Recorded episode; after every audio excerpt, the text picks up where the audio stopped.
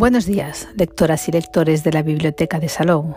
Os encontráis en el espacio Bibliosalou Radio, los podcasts bibliotecarios que os informan diariamente y vía radio de las novedades bibliográficas de la Biblioteca de Salou. Los podcasts de los miércoles os hablarán de lo que podemos encontrar en las redes sobre una de las novedades de narrativa en castellano del próximo mes de julio. Y hoy, 22 de junio, os presentamos la novela Paradise de Fernanda Melchor. En la reseña de la contraportada podéis leer. Fernanda Melchor explora la violencia y la desigualdad en esta novela brutal. Lo hace con una destreza técnica deslumbrante, oído absoluto, para la oralidad y precisión de neurocirujana para la crueldad. Paradise es un breve e inexorable descenso al infierno, dice de la obra Mariana Enríquez. En un conjunto residencial de lujo, Dos adolescentes inadaptados se reúnen por las noches para embriagarse a escondidas y compartir sus descabelladas fantasías. Franco Andrade, obeso y solidario, adicto a la pornografía, sueña con seducir a la vecina de al lado, una atractiva mujer casada, madre de familia, por quien ha desarrollado una obsesión malsana. Mientras que Polo, su reacio compañero, fantasea con renunciar a su agobiante empleo como jardinero del exclusivo fraccionamiento y huir de su casa, de su pueblo infestado de narcos y del yugo de su dominante madre. Ante la imposibilidad de conseguir lo que cada uno cree merecer, Franco y Polo maquinarán un plan tan pueril como macabro.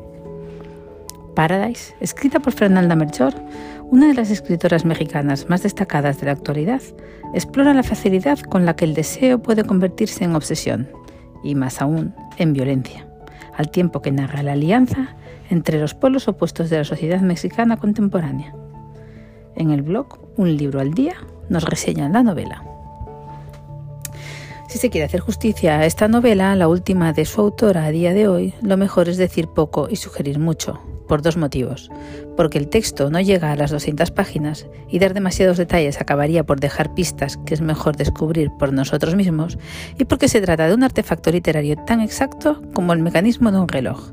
En cuanto se pone en marcha, no hay mucho más que decir. Y lo mejor de todo es que no se nota que, aunque escritas en tercera persona, parecen las reflexiones auténticas de un chico pobre, poco instruido y bastante desorientado en general podemos creer perfectamente, se entiende dentro de las convenciones literarias, que es el propio Polo quien nos habla, en primer lugar, por su lenguaje, que revela su país, extracción social y hasta edad y sexo, sin ningún género de dudas. Pero también, y no menos importante, por esa mentalidad que en su inmadurez apuesta por el sálvase quien pueda de los desencantados de nacimiento, de los que observan mucho pero carecen de perspectiva, de aquellos que sin que intervenga la razón, solo a través de su propia furia, comprenden que han nacido sin futuro y que por sus propios medios pueden no encontrarlo jamás. No obstante, gracias a la magia de la literatura, su prosa es rica, compleja, descriptiva, colorista, arraigada a la tierra y llena de matices. La impresión de autenticidad se consigue gracias a tanto, tanto a vulgarismos y expresiones populares como a un dominio excepcional del idioma, aunque lo aconsejable sería no fijarnos en tal cosa y dejarnos arrastrar por ese torrente de palabras. Solo diré que he creído encontrar ecos de Gulfo, García Márquez, incluso de Carpentier. En cualquier caso, la huella del viejo boom latinoamericano es indiscutible. Polo es un joven, hijo de soltera, que vive modestamente en progreso, barriada colindante con la opulenta urbanización Paradise, en compañía de su madre y su prima. En Paradise ejerce de jardinero, recadero, en general, de chico para todo su edad exacta, que podemos intuir más o menos, no se nos desvela, y esta es una genialidad más de la autora, hasta casi el último momento. Miseria, miedo, misoginia, ambición e inexperiencia se alían para forzar a este inolvidable personaje a una huida hacia adelante que con solo imaginarla da escalofríos. Su carácter es más bien huraño y poco sociable, pero acaba manteniendo una amistad utilitaria con un chaval más joven, Franco, residente en la urbanización, al que no le falta de nada y tal vez por eso se muere de aburrimiento. Algo que a su edad puede provocar las más delirantes fantasías. El retrato que hace de ambos es sencillamente magnífico.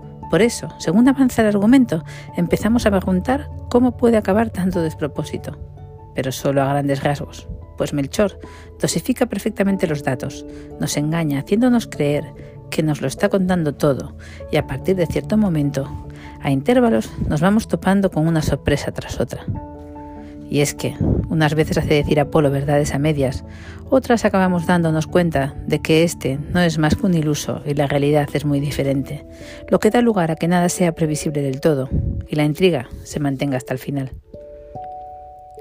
La cruda realidad que no se nos transmite funciona por una parte como metáfora a pequeña escala de una situación social abrumadora ambición sin límites, pillaje, violencia sexual, y por otra, como la puesta en escena de ese panorama tal como se vive en ciertos ambientes, desigualdad extrema, falta de perspectivas, una pieza que recuerda a cierto género cinematográfico y a la que no sobra ni falta de nada. Un engranaje puesto en marcha con solvencia, que avanza sin un solo fallo gracias a la perfección de su técnica y que, a pesar de ello, se centra en lo humano tanto para caracterizar personajes como para manejar los resortes emocionales del lector. Magistral es la palabra. ¿Y qué sabemos de la autora? Escritora y periodista mexicana, Fernanda Melchor nació en Veracruz en 1982. Se graduó en periodismo en la Universidad Veracruzana y estudió un máster en Estética y Arte en la Universidad Autónoma de Puebla. Sus cuentos y relatos han sido publicadas en revistas como Replicante, Letras Libres y Vice, entre otras, y también han formado parte de numerosas antologías.